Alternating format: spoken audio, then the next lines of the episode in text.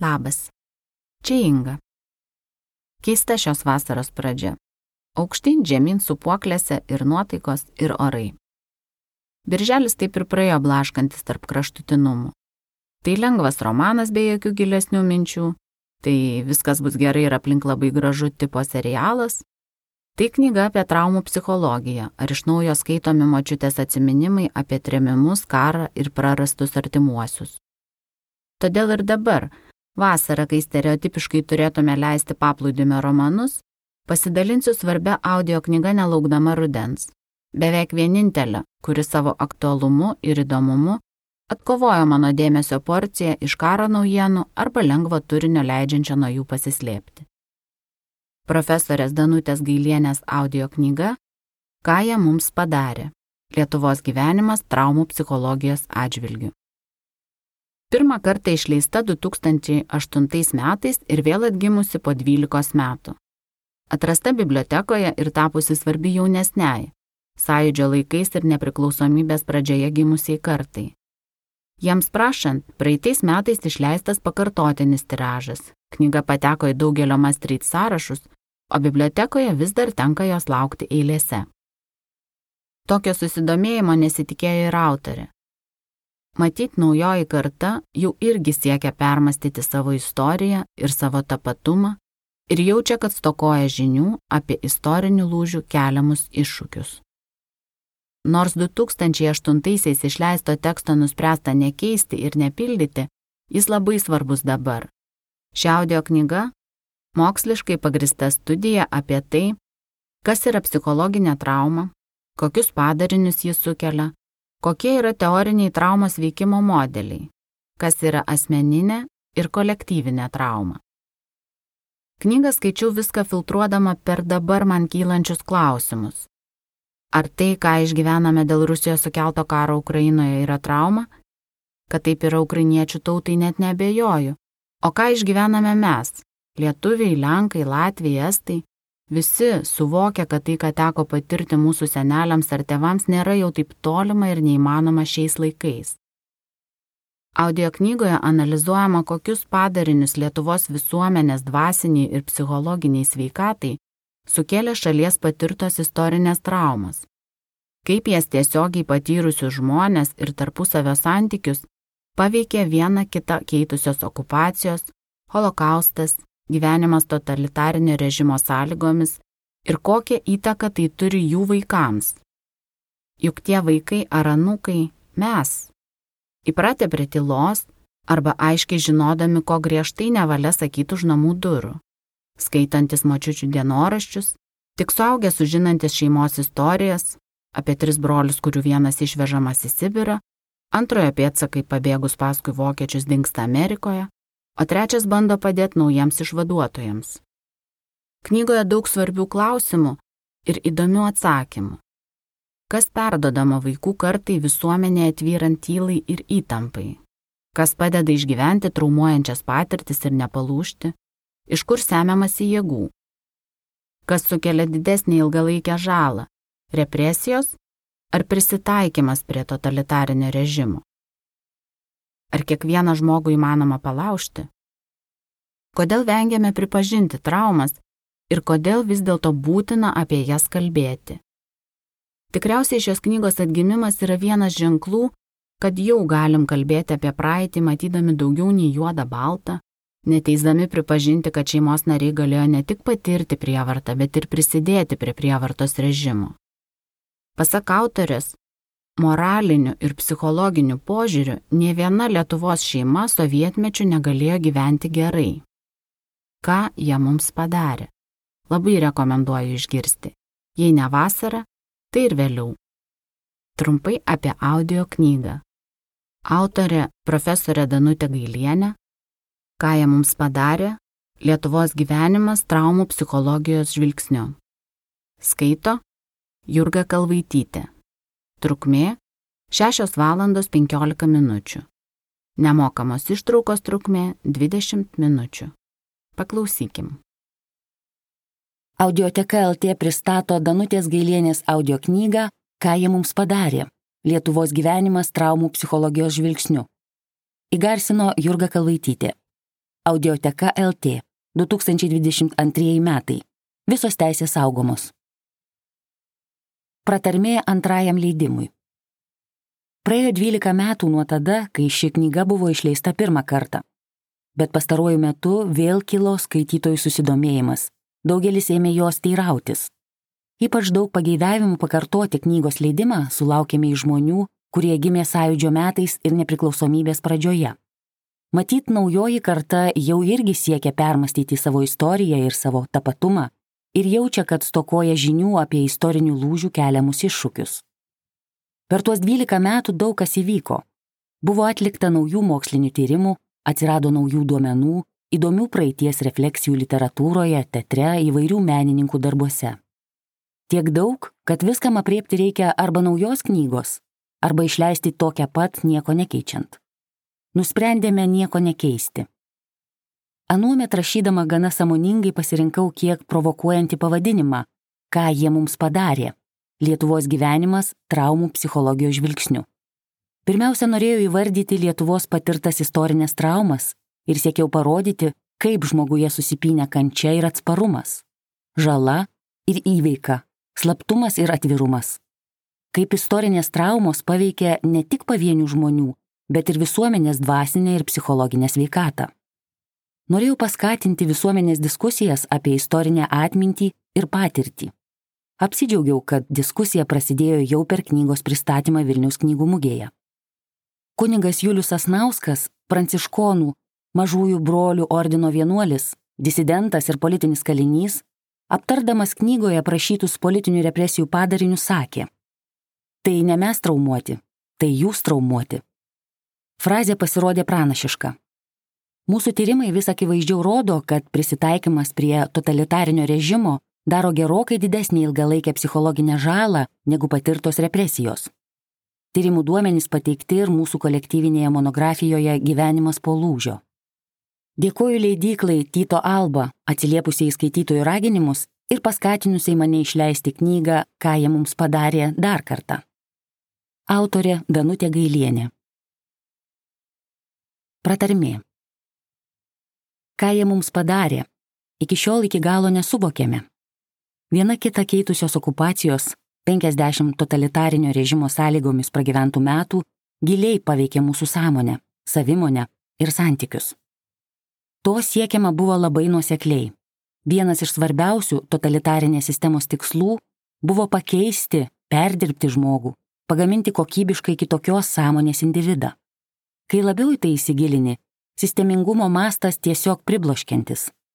Šioje knygoje išdėstytos mintys ir išvalgos susiklostė per gerus du dešimtmečius. Kai pradėjome tyrinėti savižudybių paplitimą Lietuvoje, vis neduodavo ramybės klausimas, O kurgi giliosios šios savinaikos šaknys? Tiesioginis postumis pamėginti analizuoti šiuos klausimus traumų psichologijos žvilgsniu buvo 2000 metais pradėtas tyrimas sovietų ir nacijų represijų psichologiniai padariniai. Tai yra bendras Vilniaus universiteto klinikinės ir organizacinės psichologijos katedros ir Lietuvos gyventojų genocido ir rezistencijos tyrimų centro projektas. Naudojosi progą dar kartą padėkoti ilgametiai centro direktoriai Daliai Kuodytei ir memorialinio departamento direktoriai Gintariai Jakuboniniai už mūsų sėkmingą bendradarbiavimą. Dėkuoju ir visiems savo bendradarbiams, dalyvavusiems įvairiuose šių tyrimų etapuose, o labiausiai Evaldui Kazlauskui ir Vijūniai Domanskaitei Gota. Kolegiams Gražinai Gudaitai ir Rasai Bieliauskaitai esu labai dėkinga už moralinį palaikymą ir už prasmingas diskusijas knygoje nagrinėjimais klausimais, kurios man buvo labai svarbios. Akivaizdu, kad sunkios traumos tiesiogiai paveikė visų pirma politiškai represuotų žmonės. Tačiau profesinis psichologo žvilgsnis turi būti ir platesnis. Turime rasti būdų, kaip aprašyti nusikalstamos sistemos poveikį ir visiems jos paliestiems žmonėms ir visuomenės gyvenimui. Mano vaikai savo jaunatvišką drąsą ir nuoširdžių domėjimusi mano darbais įkvėpdavo jėgų, o Gabrielės filologinė išmintis ir žinios buvo ir labai didelė tiesioginė pagalba.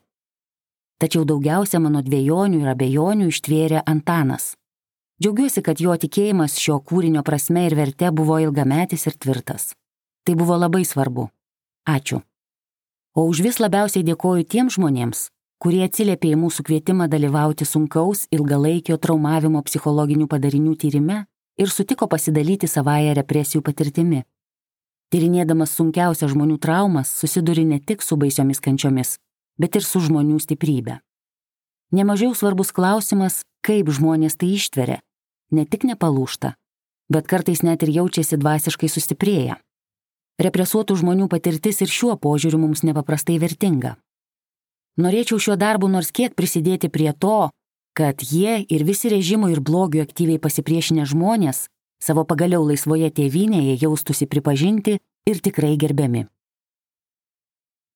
Pirmas skyrius - psichologinių traumų tyrinėjimo istorija.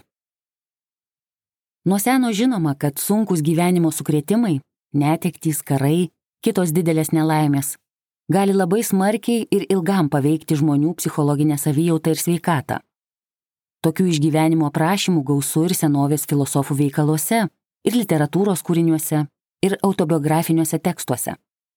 Tai Homero Iliadoje vaizduojamas Achilas, taip baisiai sielvartaujantis dėl Patroklo žūties, kad net kyla grėsmė jo paties gyvybei pavojus, kad jis geležim savo persiskros gerklę.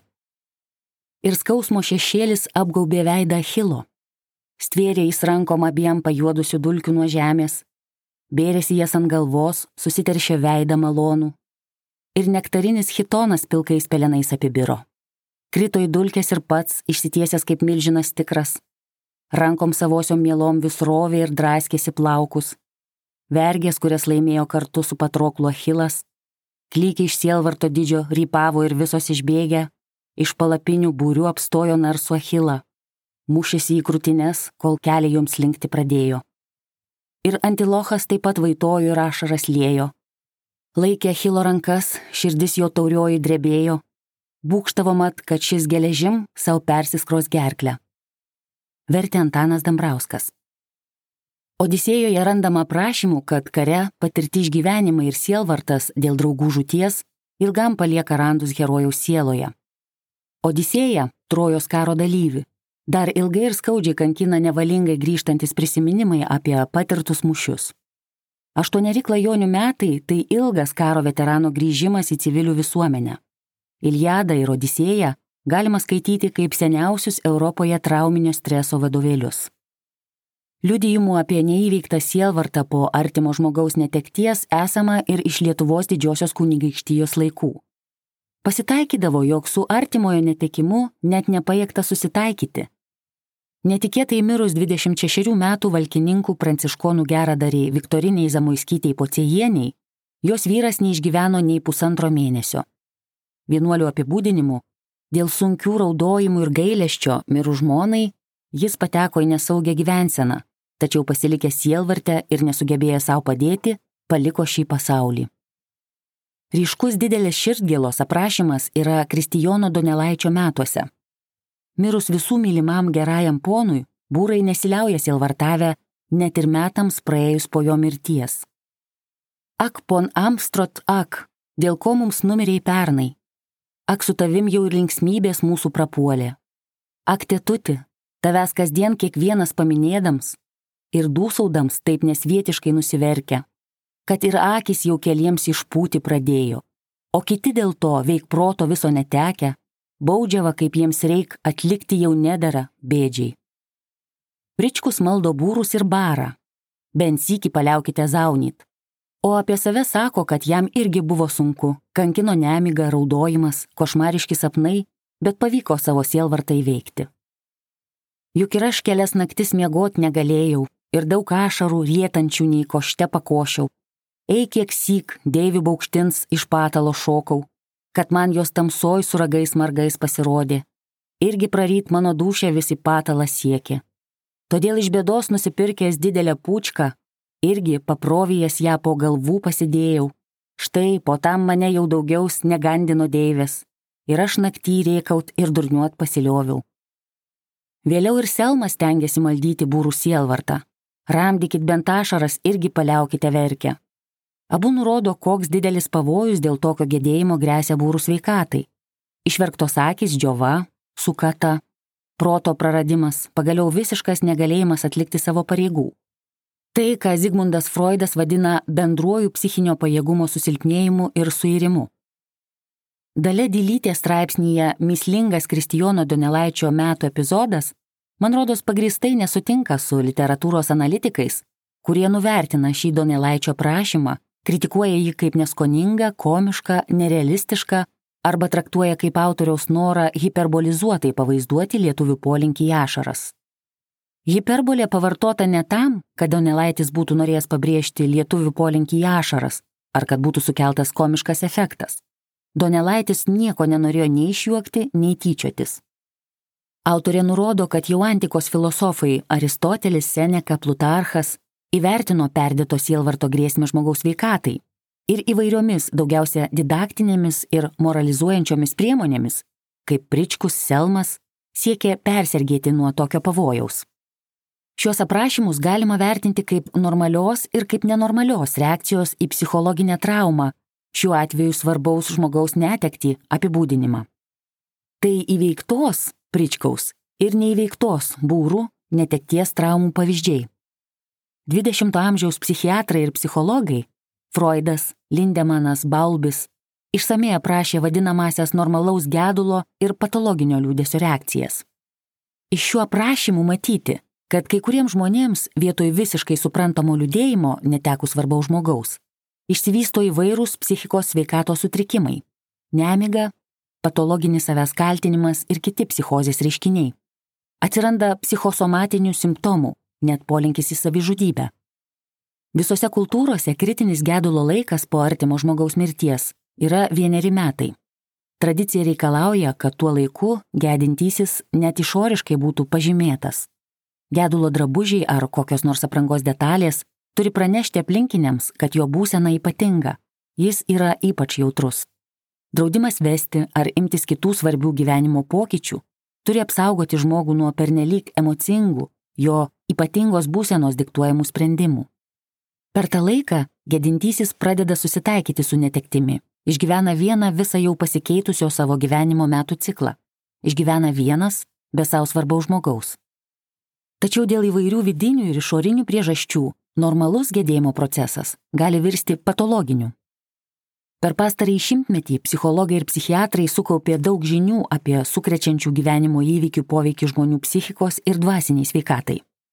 Nauji faktai ir tyrimai labai pakeitė požiūrį į sunkes psichologinės traumas išgyvenusių žmonės ir padėjo rasti daug būdų jų kentėjimams palengvinti. Trauminė karo neurozė. XIX amžiaus pabaigoje gydytojai chirurgai ir neurologai atkreipė dėmesį į tai, kad sunkia operacija, geležinkelio ar kitą transporto katastrofą patyrę žmonės dažnai dar ilgai po įvykio yra kamuojami įvairių nervinių sutrikimų. 1889 metais vokiečių gydytojas Hermanas Oppenheimas tuos sutrikimus pavadino trauminę neuroze. Dalyvavimas karo veiksmuose taip pat visada buvo itin dramatiškų išgyvenimų šaltinis. Karo gydytojai nuolat matė, kad kareivius fronte kartais ištinka ypatingi nerviniai sukretimai - šokas, paralyžius, drebulys, baimė ir panika, mutizmas arba kalbos praradimas. Nustojama orientuotis aplinkoje, kankina košmariški sapnai, apskritai sutrinka visa psichofizinė veikla. Pirmajame pasaulinėme kare, kaip rašo Judith Herman, nepaliaujamai pasmerkti apkasų baisybėms vyrai palūžo. Nesuskaičiuojama daugybė vyrų, Fiziškai apriboti ir paversti bejėgiais, pasmerkti nuolatiniai sunaikinimo grėsmiai, priversti liūdyti savo draugų luošinimą ir mirtį, be jokio vilties atokvėpio, dauguma karių pradėjo elgtis kaip isteriškos moterys. Jie nenumaldomai klykdavo ir raudodavo, sustingdavo ir neįstengdavo pajudėti, prarasdavo atmintį ir gebėjimą jausti. Psichikos sutrikimų skaičius buvo toks didelis, kad teko sparčiai tam pritaikyti ligoninės, kur aukas būtų galima priglausti. Suskaičiuota, kad psichikos krizės ištiktieji sudarė 40 procentų Britų mūšio aukų. Medicinos istorikai paprastai nurodo, kad pirmi klinikiniai tokios trauminės būsenos aprašymai yra iš Amerikos pilietinio karo ir pirmojo pasaulinio karo, o intensyviau jį pradėta tyrinėti po antrojo pasaulinio karo. Tačiau daug anksčiau į karo išgyvenimų sukeltus sutrikimus atkreipė dėmesį Vilniuje dirbęs vienas garsiausių Europos medicinos profesorių Josefas Frankas. Jis aprašė juos 14 tomų veikale Visuotinės medicinos praktikos nurodymai. 1804 metais Vilniaus universiteto kvietimu profesorius Josefas Frankas atvyko į Vilnių kartu su tėvu, garsiuoju vienos gydytoju Johanu Peteriu Franku. Šių europinio garso specialistų veikla Vilniuje buvo didžiulis postumis medicinos mokslo ir praktikos raidai Lietuvoje. Jau pirmaisiais darbo metais jie iš esmės pertvarkė medicinos studijų planą Vilniaus universitete ir įsteigė Europoje greit išgarsėjusią terapijos kliniką Radvilų rūmose. Po dešimties mėnesių tėvą Johaną Pieterį Franką Rusijos imperatorius Aleksandras I pakvietė dirbti į Sankt Peterburgą imperatorių šeimos gydytojų ir medicinos chirurgijos akademijos rektoriumi, o sūnus Josefas Frankas liko Vilniuje ir darbavosi iki 1823 metų. 1805 metais Josefo Franko iniciatyva buvo įkurta Vilniaus medicinos draugija, pirmoji tokia draugija Rytų Europoje. Ji unikali ir tuo, kad savo veiklą tęsia iki šių dienų. Vilniaus medicinos draugija vienijo gydytojus ir farmacininkus ir siekė suteikti galimybę šiems specialistams tobulintis, keistis patirtimi ir mokslinė informacija. Draugija užmėsgė labai glaudžius ryšius su žymiausiais tuo metu Rusijos imperijos ir vakarų Europos mokslininkais. Daugelis iš jų yra pasirašę Vilniaus medicinos draugijos aukso knygoje. Ji dabar saugoma Vilniaus universiteto bibliotekos rankraštinė draugija išsikėlė devizą - tarnauti mokslui ir gimtajam kraštui. Taigi nuo pat pradžių buvo rūpinamasi ne tik akademinių medicinos mokslų, bet ir sveikos visuomenės ugdymų.